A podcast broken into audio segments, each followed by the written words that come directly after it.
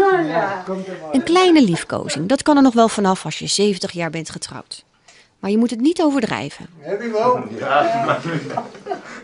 Want de burgemeester van Alblasserdam kan een 70-jarig huwelijk wel bijzonder vinden.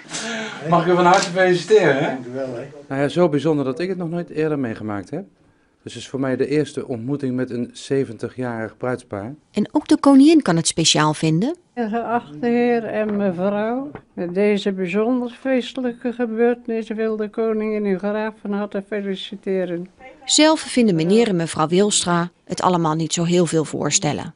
De koningin vindt het heel bijzonder dat u 70 jaar getrouwd bent. Ja, ja, dat wel. Dus zo was het. U vindt het niet zo bijzonder.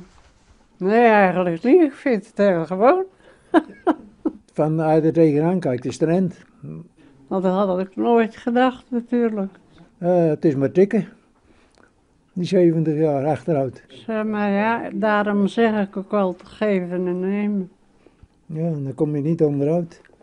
Als er weer wat is, dan loop je maar even weg en dan, eh, dan gaat het weer over. Ja, je hebt wel natuurlijk wel eens wat dat je niet zo leuk vindt, maar ja.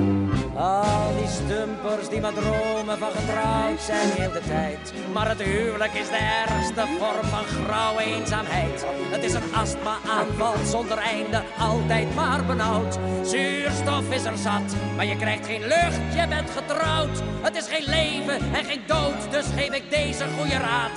Vermijd de kerk en het stadhuis en de huwelijkse staat.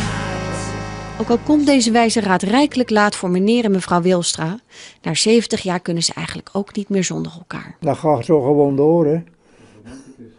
Ja. Wat moet je daarop zeggen? Dat zou ik niet weten. Weet jij het? Ik zou hem nou helemaal niet meer kennen missen natuurlijk.